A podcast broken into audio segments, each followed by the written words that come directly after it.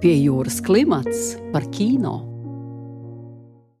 Esiet sveicināti pie jūras klimata klausītāji. Šajā raidījumā atskatīsimies uz Rotterdamas Startautisko kinofestivālu, kurš jau kopš tā dibināšanas 1972. gadā lepojas ar savu jaunatklājēju dabu un nemainīgo fokusu uz neatkarīgo un eksperimentālo kino. 52. Rotterdamas festivālu raksturoja tālo austrumu autorkino, Latīņa Amerikas kino akcenti, Ungārijas kino klasika, plaša animācijas retrospekcija, kuras ietvarā šogad tika izrādīti arī rozes stiebras darbi. Festivāla, kurš pirmo reizi kopš pandēmijas sākuma notika klātienē, programmā tika izrādītas 455 filmas, tostarp 207 pasaules pirmizrādes. Galveno balvu saņēma Kamerūnas dokumentālā filma Le Spectre de Boko Haram, savukārt Startautiskās kinokritiķu asociācijas Fipresī balva tika piešķirta Ukraiņu režisora Filipa Sotničenko filmai La Palisiādas, daļēji policijas kroniku estētikā veidotajai drāmai, kurā divi šāvieni saista notikumus 90. gados un mūsdienās.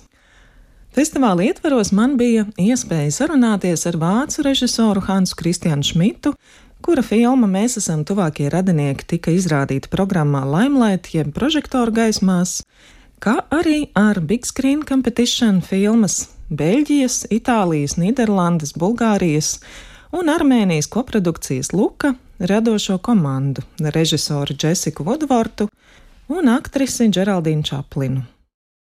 Mēs esam tuvākie radinieki ir ārkārtīgi neparasts ķīlnieku trilleris uzņemts pēc Johana Šīrera autobiogrāfiskā romāna motīviem. 1998. gadā tika nolaupīts un vairāk kā mēnesi turēts gūstā tolaik 13-gadīgā Johana tēvs, ievērojams vācu profesors Filips Remcmā. Hansa Kristiāna Šmita filmas centrā ir nevis noziegums, tā izpildītāja un upuris, bet gan ierasti mazāk atveidotā puse - ģimene, kura cenšas darīt visu, lai atbrīvotu nolaupīto vīru un tēvu. Režisors savā kamerdrāmā ir pievērsies tam, ko šādā situācijā pārdzīvo pusaudzis zēns, kuram tiek atklāts tikai nedaudz no notiekošā, un kura emociju spektru vispilgtāk raksturo bezspēcības sajūta. Vairāk par to sarunā ar Hansu Kristianu Šmitu. As I read in your comments and director's comments, uh, you wanted to exclude Filmas preses materiālos es lasīju, ka jūsu nodoms bija izvairīties no visām filmētas pieejām, kas ir skaļas, pārspīlētas un spekulatīvas, koncentrējoties uz galveno varoņu sejām. Jūs strādājat ļoti smalki pētot un attīstot viņu psiholoģiskos portretus. Kādēļ jums bija svarīga šāda minimalistiska pieeja? That we tried not to make a Mēs centāmies neveidot kriminālu filmu, netaisīt tipisku trilleri, jo vismaz Vācijas kino telpa ir pārpludināta ar detektīvu drāmām, izmeklēšanas seriāliem, televīzijā, straumēšanas platformās. Tāpēc mēs sev jautājām, kā varam iet pret to. Šīs izvēles diktēja arī 13 gadus vecā zēna perspektīvas stāstā. Viņa nav klāt, kad notiek visa aktīvā darbība. Kad notiek kaut kas tāds, kas ir iespaidīgs un skaļš, zēns lielākoties guļ. Tāpat mēs zinājām, ka vairumu no epizodēm filmēsim ģimenes mājā, jo ģimene, tāpat kā policisti, tajā pavada visu laiku, pat nevis vienā mājā, bet pie viena galda. Tālāk, apdomājot, kādas ir šādas pieejas iespējas, tās ir vairāk vai mazāk saistītas ar kamerdrāmas formātu, kurā lielu nozīmi spēlē aktieri, viņu sejas, tūplāni.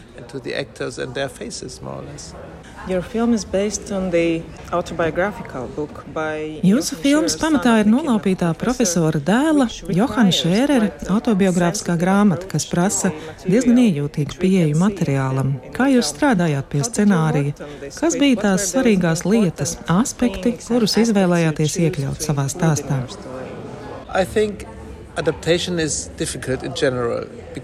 Adaptācija kopumā, manuprāt, ir sarežģīta, jo lielu daļu romāna teksta, to literāro vērtību veido iekšējie monologi. Un tas ir kaut kas tāds, ko teju neiespējami pārnest filmā, jo kino vairāk vai mazāk ir darbība un mazliet arī dialogi, kas palīdz darbībai, radot papildus dziļumu. Diezgan agri rakstīšanas procesā sapratām, ka nevaram saglabāt Johana perspektīvu, ja nespējam viņa domu plūdumu vizualizēt filmā. Tādēļ scenārijā kā galvenā varone parādās viņa māte, kas ir iesaistīta visos lēmumos un visos procesos.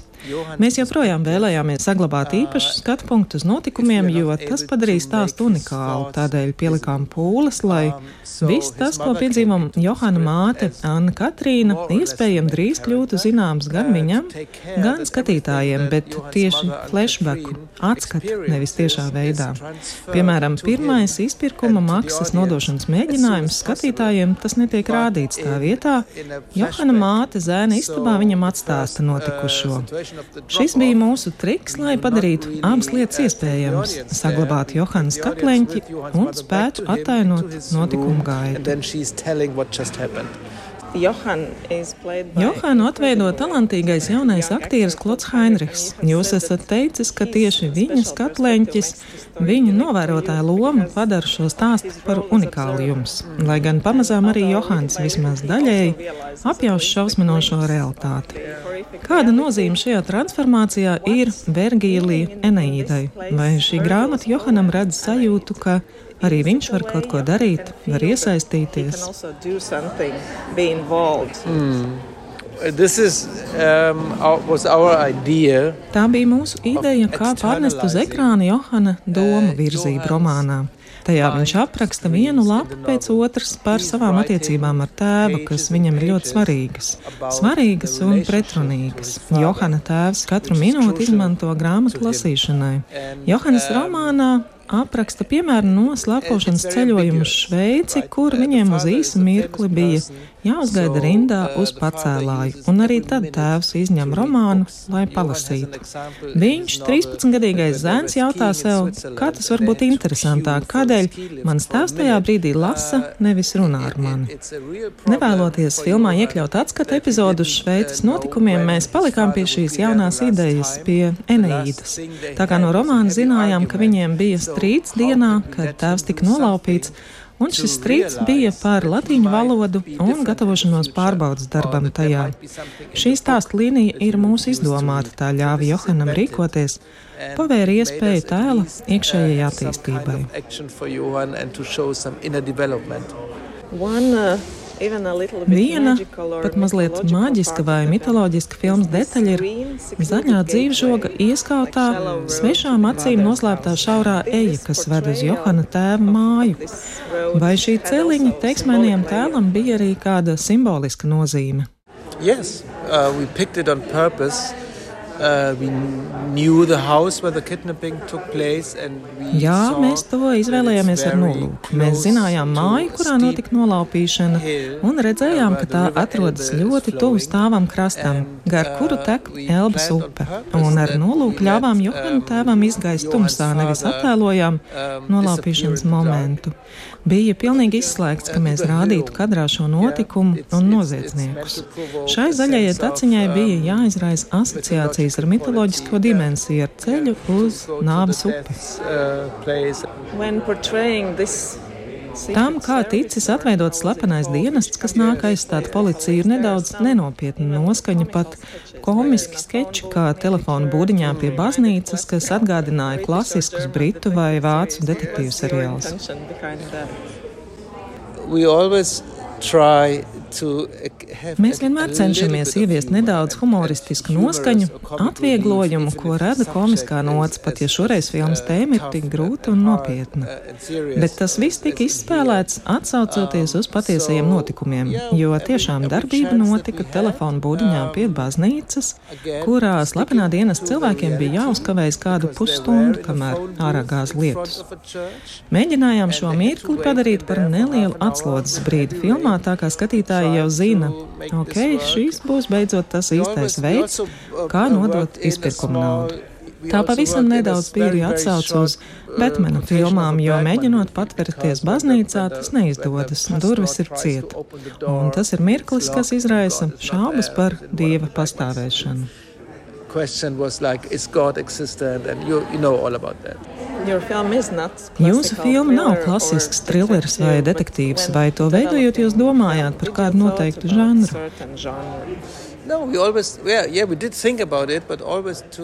Jā, vienlaikus gan domājām, gan centāmies no tā atturēties. Piemēram, advokāta naudas nodošanas mēģinājums Luksemburgā varēja tikt filmēts pavisam savādāk. Mēs varējām izmantot kameru, kas imitē nolaupītāju skatu punktu, un tajā mirklī mēs vienkārši sevi apstādinājām, lai to nedarītu. Jo notiktu nopietni iejaukšanās gan Johana, gan Annas Katrīnas perspektīvas koncepcijā.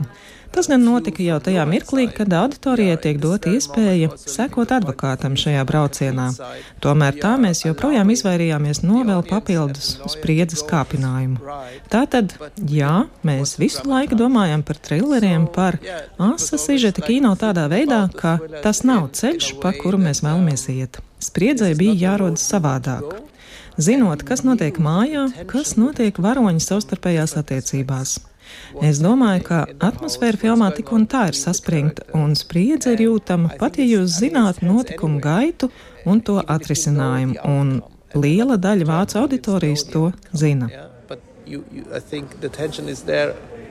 Beļģu režisores Džesikas Vudvortas jaunākā filma Luka, kas Rotterdamā piedzīvoja pasaules pirmizrādi, ir veidota pēc Dino Buzati romāna Il Deserto dei Tartari - Tatāru stepe motīviem.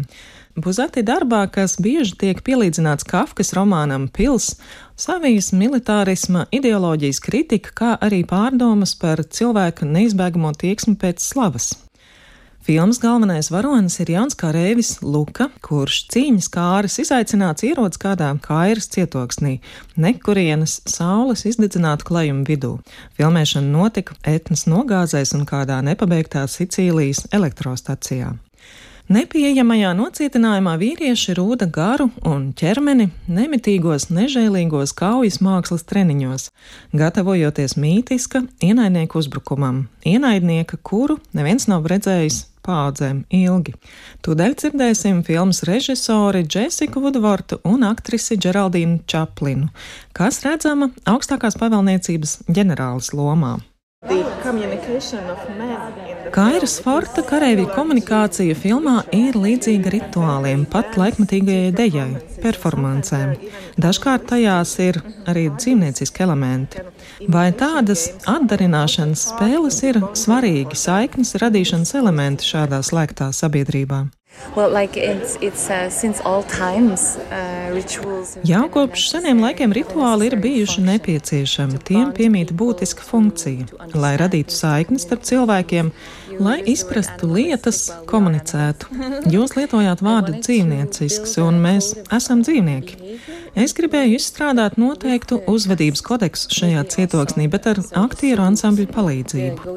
Īpašais rokas sveiciens, cīņu imitāciju ainas, Maori rituālajai dejai Haka, līdzīgā epizode, kad viņi svin lietus atnākšanu. Es piesaistīju Semu Loiku, izcilu dejotāju un horeogrāfu, kurš redzams arī vienā no lomām, lai viņš palīdzētu man šajos meklējumos. Mums bija jāizveido tāda kā kustība vārnīca, un mēs organizējām dažādas meistarklases, iesaistot arvien vairāk aktieru. Viņiem bija teju jāelpo vienā ritmā, kā saka Hercogs, mēs esam viens. Šī elpošana ir kolektīva, viņi ir viena būtne. Savukārt augstākās pavēlniecības uzdevums filmā ir šo kopienu stingri kontrolēt, saglabāt ilūziju neskartu, pārvaldīt tur esošos cilvēkus viņu brīvo gribu.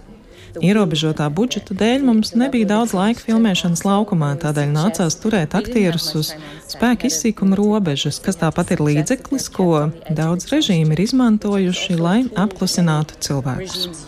Kārēvja kipa izraidīšana jeb ignorēšana ir indikators, ka šajā militārajā kopienā tiek izmantota arī iebiedēšana un sodīšana. Tā ir briesmīga nāve, mirt no slāpēm, tumšā nostūrī pazemē. Viens ļoti efektīvs veids, ko izmantojām, lai parādītu, ka augstā pavēlniecība pielieto vardarbību, rada bailes, lai padotos apklusinātu un saglabātu ārējā apdraudējuma ilūziju neskartu tik ilgi, cik iespējams. Šīs ilūzijas apšaubīšana nav pieļaujama.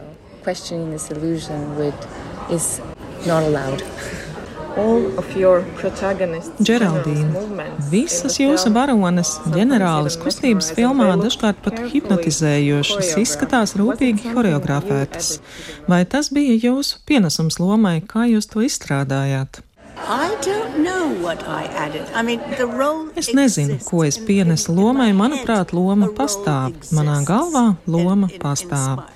Iedvesmots režisors to rāda kopā ar aktieri, bet šī loma jau bija. Šis dīvainais rāpulis, lai kas tas būtu. Vīrietis, sieviete, vienalga tas pastāvēja un lietas nostājās savās vietās. Žesti paši atnāk, lietas notiek. Un tad jūs zināt, ka žesti ir pareizie. Tās ir rokas, kas visu pasaka man, manā kā režisora skatījumā. Kad rokas sāk kustēties ļoti patiesā manierē, es zinu, kā loma ir izstrādāta un redzu, cik tā ir izteiksmīga. Jārada apstākļus, lai ķermenis dzīvotu un elpotu autentiski, konkrētā stāsta un lokācijas visumā.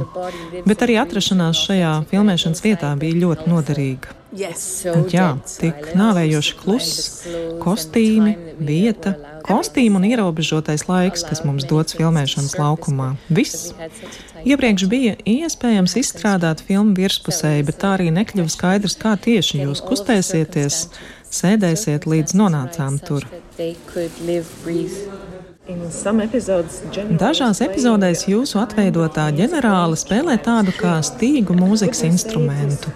Vai tā ir viņas ideja par harmoniju, vai tas ir viņas mierinājums? I think it's a sort of like some people doodle. Es domāju, ka tā ir sava veida raksturīgā darbība. Jūs zināt, daži cilvēki mēdz skricelēt kaut ko, daži cilvēki spēlē naglas pie sienas ar lociņu, daži cilvēki baksta degunu, tā ir lieta, ko viņi dara. Ģenerāli spēlē uz smieklīgām naglām pie mūra un kļūst ļoti aizkustināta, pilnībā aizkustināta un emocionāli par tām stulbajām naglām. Tas ir īsts instruments. Es devos uz Maison de la Patafonie Dinānā, kur to redzēju koka kasti, īstu pagātnes mūzikas instrumentu. Bet tam ir skaņa. Jā, tam ir skaņa, bet šeit nonākot filmas lokācijās, tur bija viens mūris, kas uh, nav filmā redzams pilnībā. Jūs to redzat uz mirkli, tikai nedaudz. Mēs to saucam par vētras sienu. Mēs tur uzstādījām šīs nāglas, bet tās, protams, nerada rezonanci ar akmeni, tikai ar koku. Nāklas tur tika iestrādātas, jo es zināju, ka tam būs saistība ar ģenerāli. Katram ģenerālim ir kāds rekvizīts, kāds rīks. Seržantam majoram Rafam ir smieklīgs zīzlis kā no beļģu karnevāliem, un man šķita, ka arī ģenerālei kaut ko vajag, bet viss, ko piemeklējām, bija smieklīgs un sāk izskatīties pēc Harry Potter filmām. Un tad es sapratu, tām ir jābūt lociņam. Un viss sastājās savās vietās ļoti dabiski. In, uh, Vienā no filmas nozīmīgākajiem dialogiem seržants Majors Rafs saka, ka noteikumi uztur mūs civilizētus. Vai jūs ar savu filmu uzdodat jautājumu par noteikumiem kā līdzekli, kā kontrolas rīku? Rules are, they have a function and are ripe for abuse. Noteikumi ir Es domāju, ka tiem ir funkcija, un tie paver iespēju to ļaunprātīgai izmantošanai. Tas ir satraucošs moments. Kā mēs zinām, tas notiek visapkārt. Avīzes ir pilnas ar ziņām par šādas varas ļaunprātīgu izmantošanu. Tā ir pasaule, kurā mēs dzīvojam, un tas patiesībā ir saistīts ar vienu mirkli filmā, bez kuras tai nebūtu jēgas. Tas ir mirklis, kad Luka pagriež šai iekārtai šiem noteikumiem muguru un mēs visi esam uz to spējīgi. Mēs ikdienā šaubāmies, apšaubām, kritizējam. Tas ir tas, ko mēs kā pilsoņi darām. Bet mūsu visu rīcībā ir arī nedaudz varas, pat ja mēs neesam nekas. Mums visiem ir iespēja pagriezt tam muguru. Un tas arī ir Lukas nozīmīgākais veikums, viņa varonīgākā darbība, viņa uzdrošināšanās. Padevība, izturība, upurēšanās - galvenie principi kareiviem filmā, vai tos varam saistīt arī ar aktieru darbu rutīnu? that depends. It depends. Yes. That depends. Es vēl pievienotu tiem trījiem disciplīnu. Disciplīna ir tik svarīga. Savukārt no grāmatas vēl nāks klāt vientulība. Vientulība, ko ir radījusi šī sieviete, ģenerāli, es pat šoreiz neteicu rāpulis. Sajūta, kas rodas lasot grāmatu, ir tāda vientulība, sūrstoša vientulība. Šī grāmata rada sāpes, tā liek ilgoties. Radījumā dzirdējām režisorus Hansu Kristiānu Šmitu un Džesiku Vudvortu, kā arī aktrisi Džeraldīnu Čaplinu. Pie jūras klimata vadīja Sonora Broka un Monteja Judīta Bērziņa. Raidījums tapis ar valsts kultūra kapitāla fonda atbalstu.